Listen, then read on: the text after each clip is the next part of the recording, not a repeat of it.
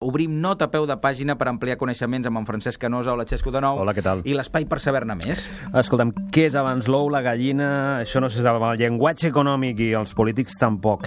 Us pengem una cosa que jo crec que és l'inici que ens estira, que jo ens donaria per una reflexió bastant interessant. Un treball molt interessant, eh? és un treball de final de grau de la Universitat de Valladolid, de la Facultat de Traducció i Interpretació, i aquí ve Ah.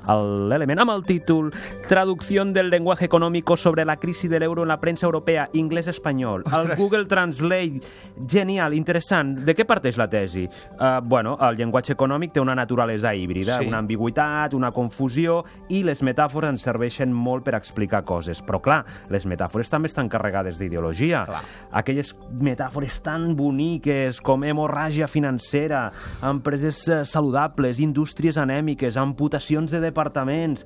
Clar, és un estoig, és un supermercat absolutament infinit. Traducció i Doncs hi interpretació interpretació. Aleshores, clar, què ve abans, l'ou o la gallina? Perquè, clar, us oferirem també un diccionari de d'Economist, aquest gran setmanari econòmic eh, britànic, amb tot de termes econòmics, on molts d'aquests conceptes ja estan inclosos dins del Adiós. llenguatge que usem. Per tant, què ve abans, l'ou o la gallina? Qui crea el llenguatge i quin llenguatge acaba assumint la població? Per tant, us ho deixem aquí tot penjat. Fantàstic, tot a www.elsspindoctors.cat, que ho tindreu. Gràcies, Xesco.